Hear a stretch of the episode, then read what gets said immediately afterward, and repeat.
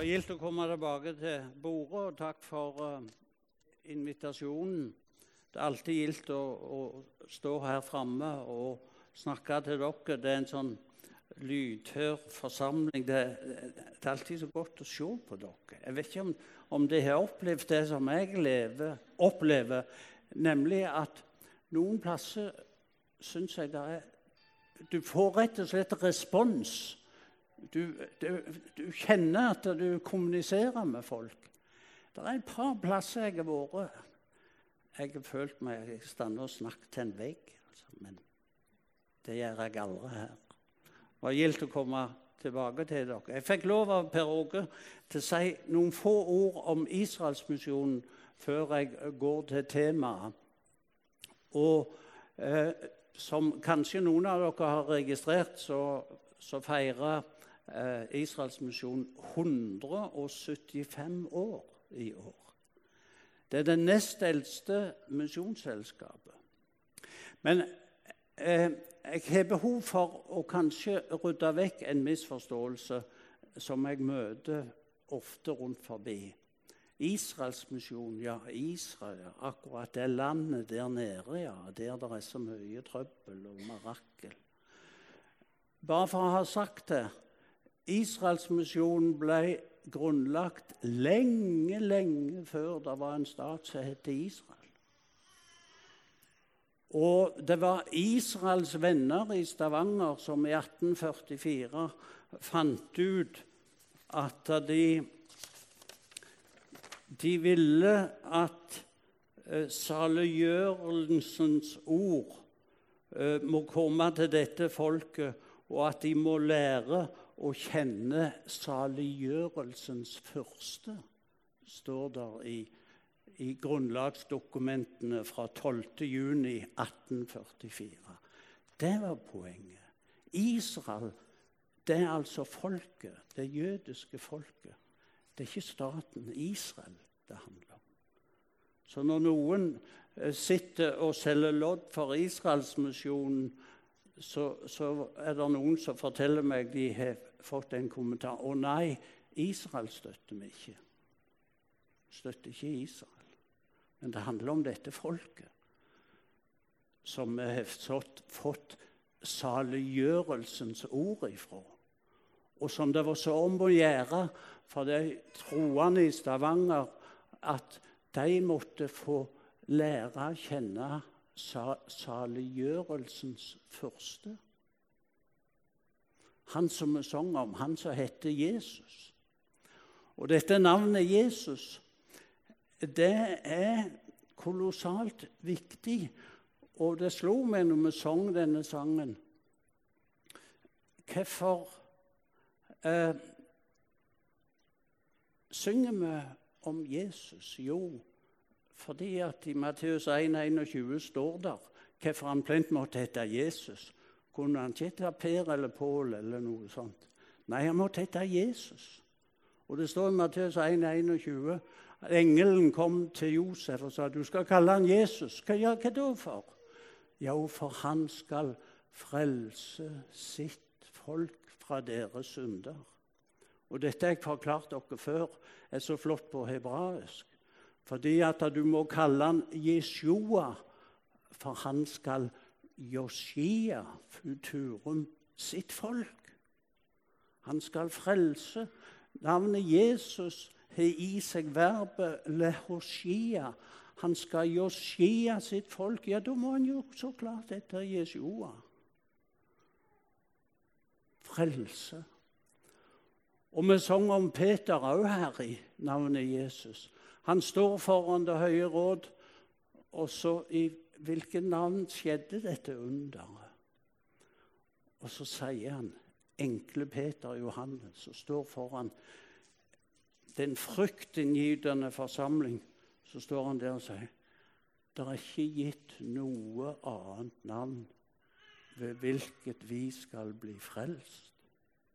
Det er kun det navnet i verden som fører til et evig liv. Det er kun én person som vi skal bli frelst. Og da tenkte han selvsagt først på seg sjøl som jøde. Og så prøver vi Israelsmisjonen på en måte eh, følge opp den strategien som Paulus hadde. Han var på slutten av sitt liv i Roma. Eh, dette står i apostelgjerningene 28. Det er Lukas som skriver om de apostelgjerningene. Han var i Roma, Paulus, på slutten av sitt liv. Og så står det at han kalte jødene til seg en dag. Og de var enda flere enn første gangen. Ja, hva gjorde han der?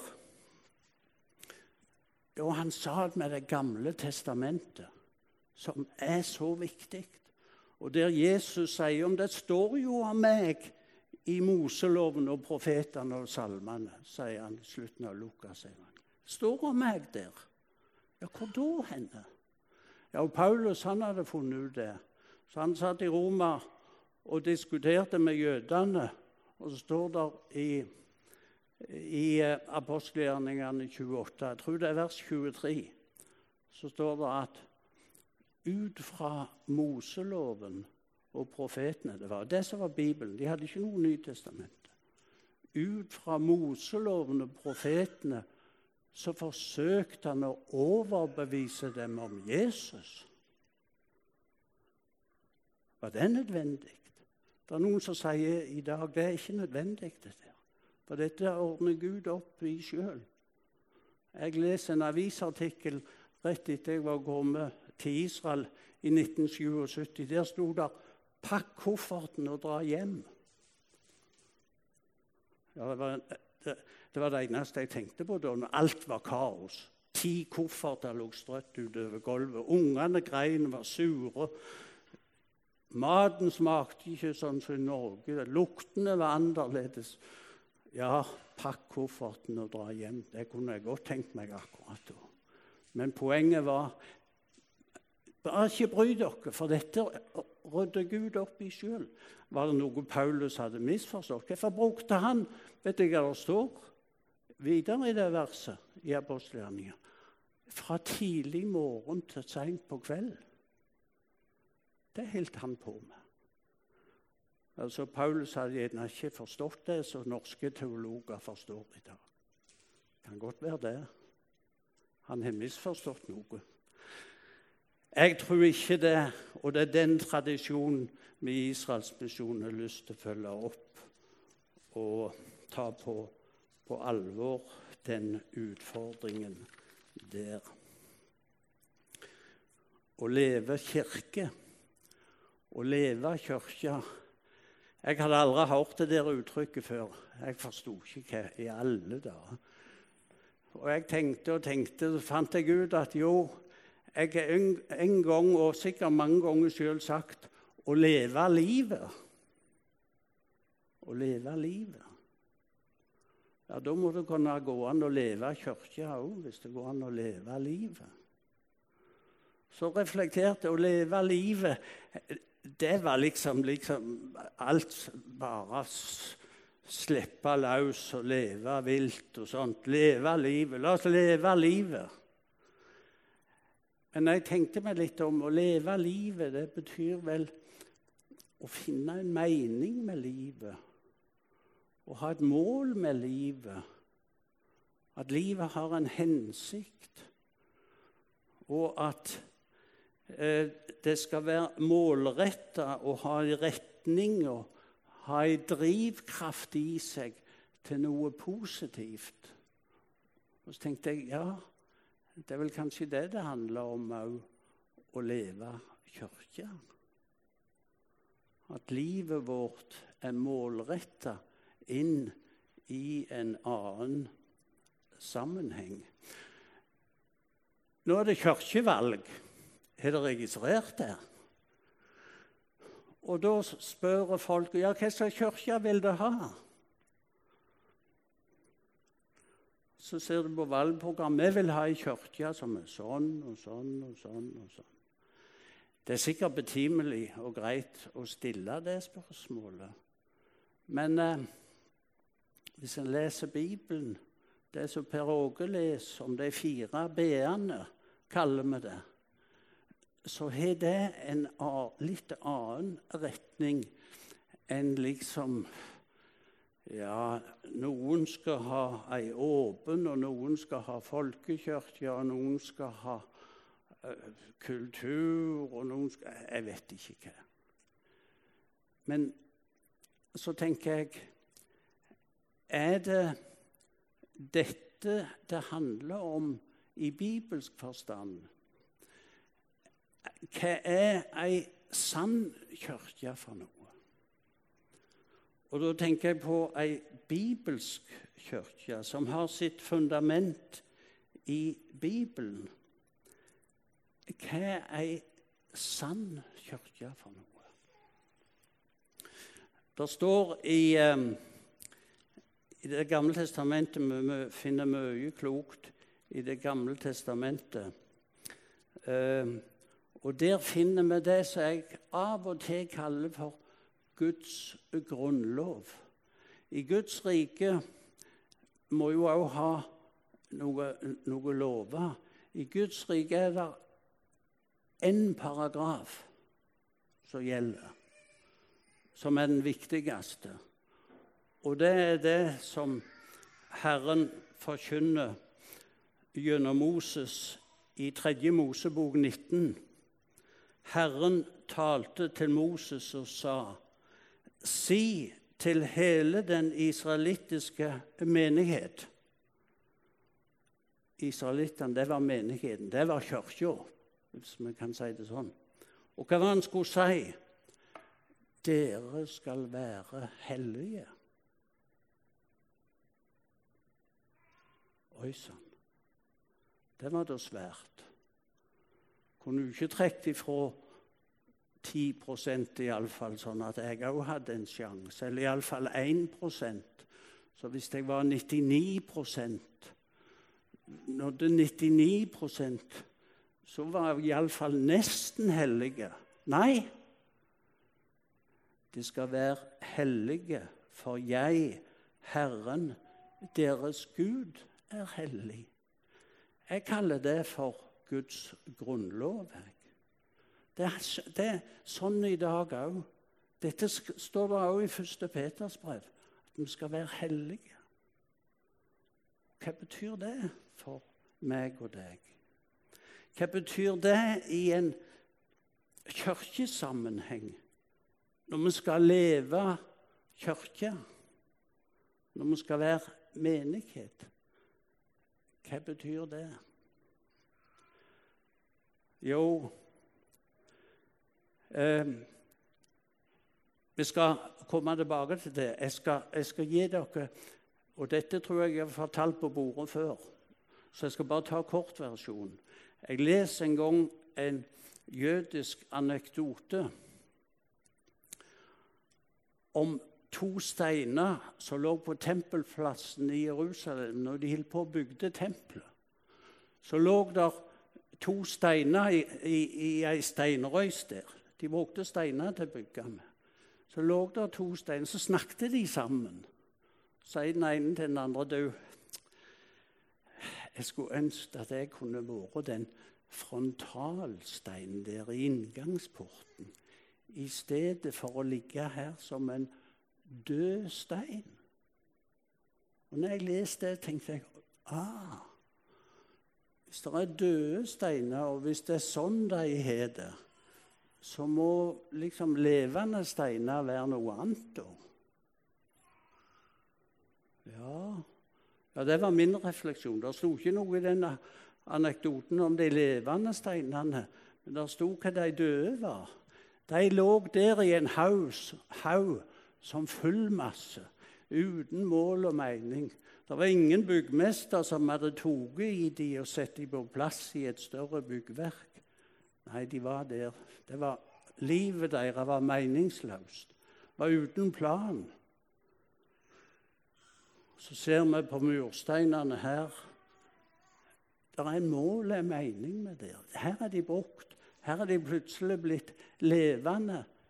De har fått en oppgave. Og da tenker jeg at litt av det å være hellig, det er å være levende steiner. Og la byggmesteren få lov til å ta oss i nakken eller løfte oss etter håret og gi oss en plass i et større byggverk som er Guds menighet. Den kirka som består av noe helt annet enn de som har navnet sitt i ei manntallsliste. En helt annen posisjon. Og så tenker jeg Tenk å få lov til å være en stein. Det kan godt hende at det er under jorda, der i grunnmuren en plass, men det er like viktig for det. Alle kan ikke være den der steinen i hovedportalen. Men byggmesteren han er plukket ut sine og gitt dem en oppgave, enten det er å føre regnskapet for en forsamling, eller det er å koke kaffe, eller det er å være pastor, eller det er å sørge for markedsføringen, eller hva det er, så har Gud gitt noen en nådegave som de kan få bruke i et større byggverk. Så hvis ikke dette får være grunnvollen, hvis vi ikke har en grunnvoll å bygge på, at det er en mester som har plukket ut noen eller noe som skal være fundamentet, så blir det en sånn Ja, ei kirke som som bare flyter rundt i samfunnet uten noe fundament, ankerfeste. Det flyter bare med de kulturelle åndelige strømmene som er inn akkurat for tida. Jeg har lyst til å bruke en fortelling i Johannesevangeliet eh, for dere som eksempel på hva jeg prøver å si. Dere har hørt om Nikodemus. Og mange har jo et sånt veldig positivt bilde av Nikodemus. Tenk han kom til Jesus om natta og sa at, at du har gjort store ting. Det vet jo alle. Jeg tror ikke Jesus var så imponert av ham. For hva sier, sier Jesus til ham? Du, du er lærer for Israel, og så vet du ikke dette her. Det er akkurat som hvis jeg hadde sagt til Per Åge du er pastor, og så vet du ikke det. Da detter du fort ned hvis du ikke klarer, klarer å svare riktig. Så står Nikodemus der og sier Jesus du som lærer for Israel, så vet du ikke dette her. Har du ikke fulgt med i timen? Hvor var du henne når de leser Esekiel 36 om han som skulle skape et nytt hjerte? For hva var det Jesus sa til han? Du må bli født på ny. Og han tullingen, han sa ja, Jeg kaller han tulling. Det var litt stygt sagt. Han sier skal jeg inn i mors liv igjen? Det var jo et tullete svar. Han visste bedre. Ja, sa Jesus, du må bli født av vann og ånd. Du mangler noe vesentlig. Profeten Joel som snakker om ånd. Hvor var du henne når du fikk undervisning om profeten Joel? Fulgte du ikke med i timen? Så er du en lærer for Israel. Hva er du holder på med? Nå må du skjerpe deg. Han visste godt hva det var som jøde å bli vaska og rensa i vann. For, for, for, det kan de. Men så kom ånda. Vann og ånd. Hva i alle dager er det for noe? Og så sier vi Jeg hørte mye forkynnelse i min ungdom om gjenfødelse. Det var så viktig. Ja, det er kolossalt viktig. Jeg hører lite om det i dag. gjenfødelse, må bli født på ny. Og det er selve basisen i ei kirke. Hvis vi skal leve i ei kirke, så må vi ha gjenfødte mennesker der. Det må være folk som er nye. Hvorfor må de bli født på ny? Er det nødvendig? Kan ikke bare Gud se mellom fingrene, som mange sier. Eller de sier det ikke sånn, men de oppfører seg og snakker som om Gud er en sånn en som ser mellom fingrene. Eh, nei, du må bli født på ny. Hvorfor da? Ja, for alt gikk galt i syndefallet. Du ble Gudsbilledligheten, dette at du er skapt i Guds bilde, gjelder ikke lenger. Det ble ødelagt. Du kan ikke påberope deg å være inni den rammen så lenge du skjemte deg ut og vendte Gud, Gud ryggen. Det er alvorlige greier, det der. Og Derfor måtte Nikodemus ha forstandet at du må bli født på ny. Da må noe totalt nytt til. Et nytt fundament. Og det er det som må være grunnvollen. Og det er derfor jeg tror vi må forkynne og vitne om du må bli frelst. Jeg leser i Jeg tror jeg tok kopi av det òg.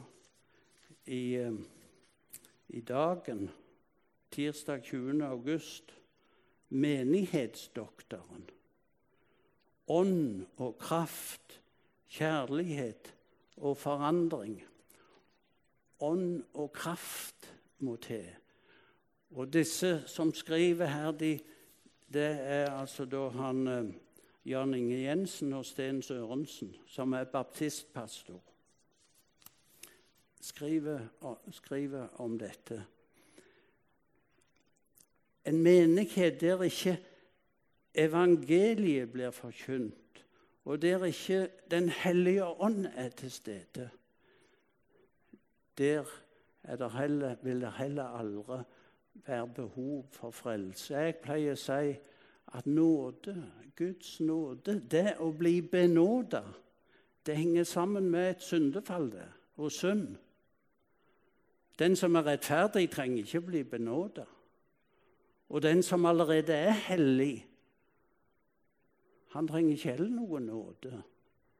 Men det er den som, som blir overbevist om synd ved forkynnelse og møte med Den hellige ånd, som overbeviser om synd og skyld. Det er han som må på sine kne og be om nåde og bli født på ny. Det er alvorlige greier, dette.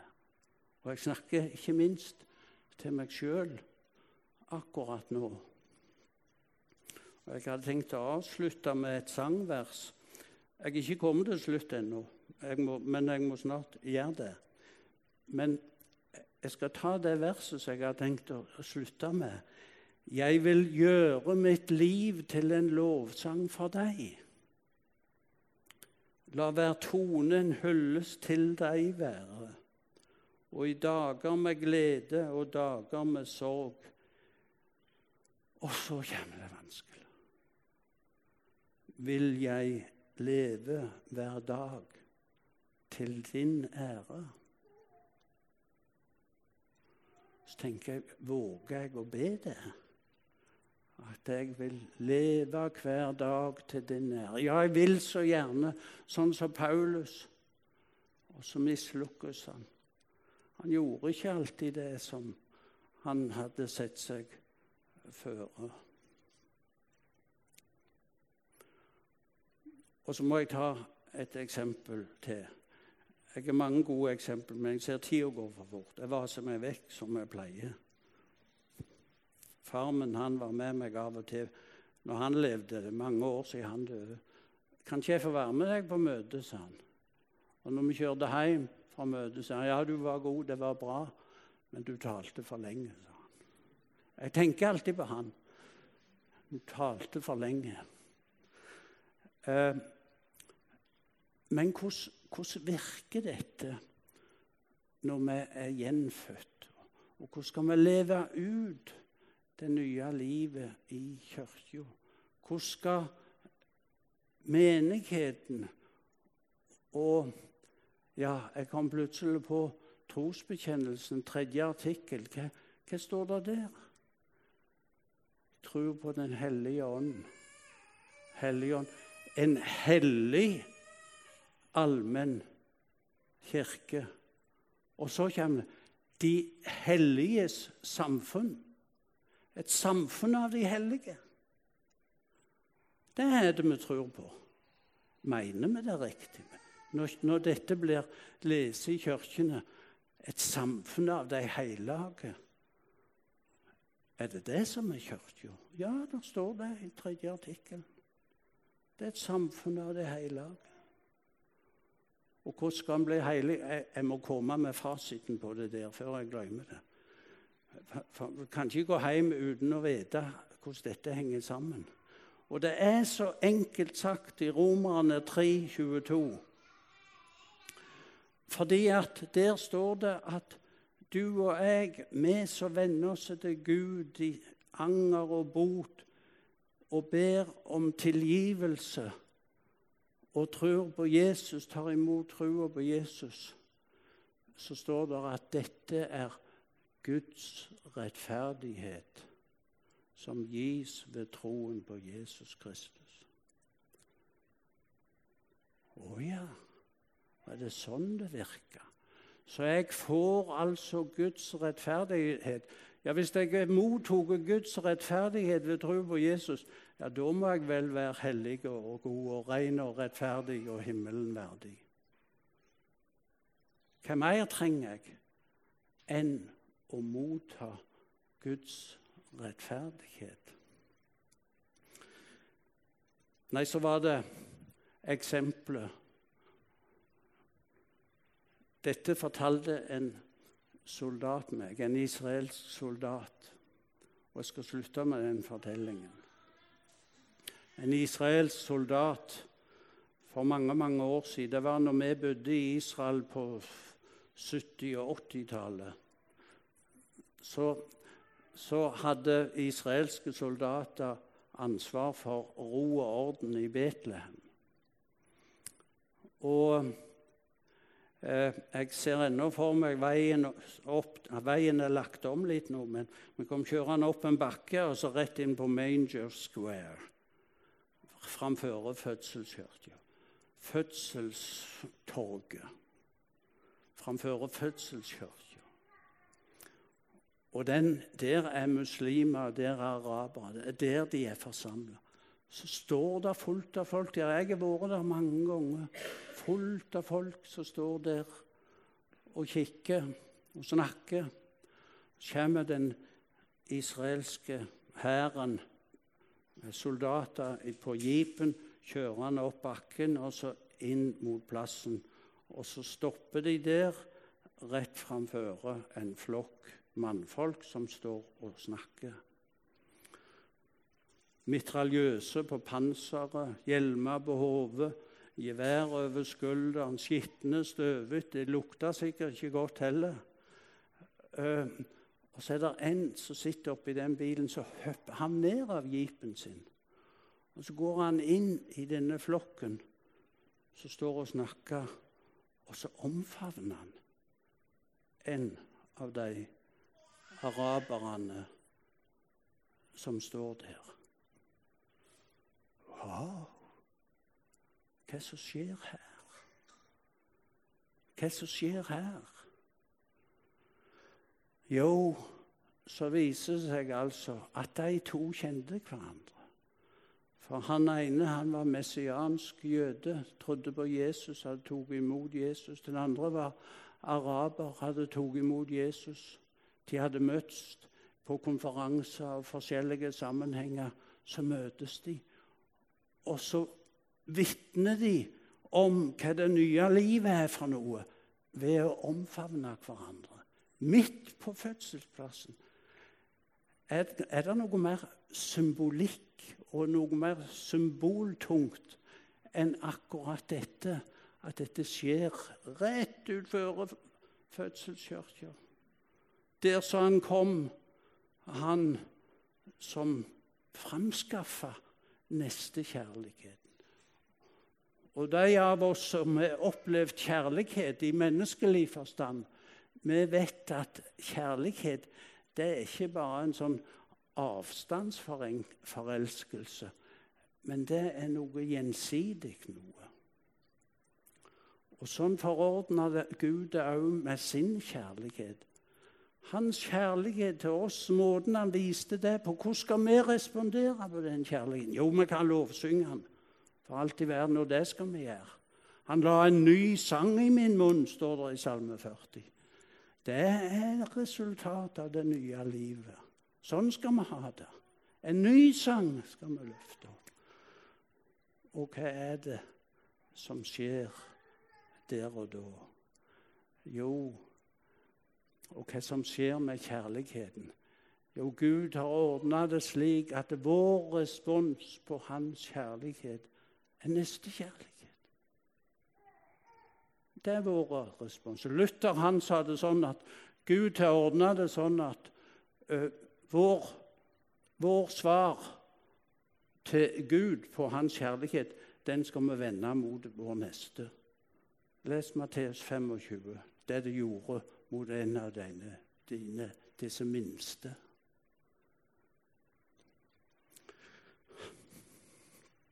Jeg holder på for lenge. Eh, jeg har lyst til å slutte med ei bønn som jeg fant. Jeg satt og googla litt forskjellige ting da jeg forberedte dette.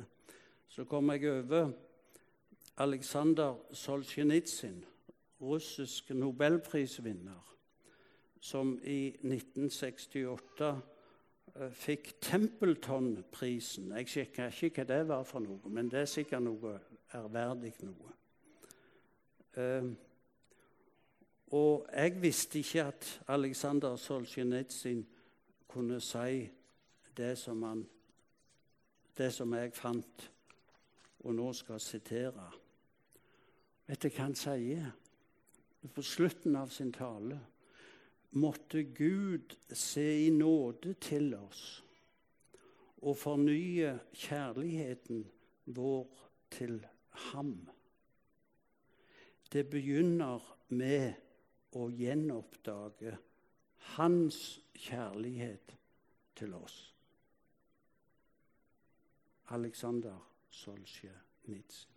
Takk, gode Gud og himmelske Far, for at du en dag steg inn i vår virkelighet. Takk for at du starta denne redningsaksjonen etter at vi hadde sett oss i den fortvila situasjonen og vendte deg ryggen. Takk for at du gjenåpna veien til deg gjennom Jesus. Takk for at vi skal få hylle deg, og vi skal få lovprise Han. Takk for at vi skal få tro at vi som har Jesus i hjertet, vi kan representere deg på en måte. Takk for at du er tilgitt oss. Takk for at du kan bruke tilgitte syndere i ditt byggverk. Og du velsigner hver enkelt av oss i vår vandring òg i hverdagen, og ikke bare i Guds tjeneste. Amen.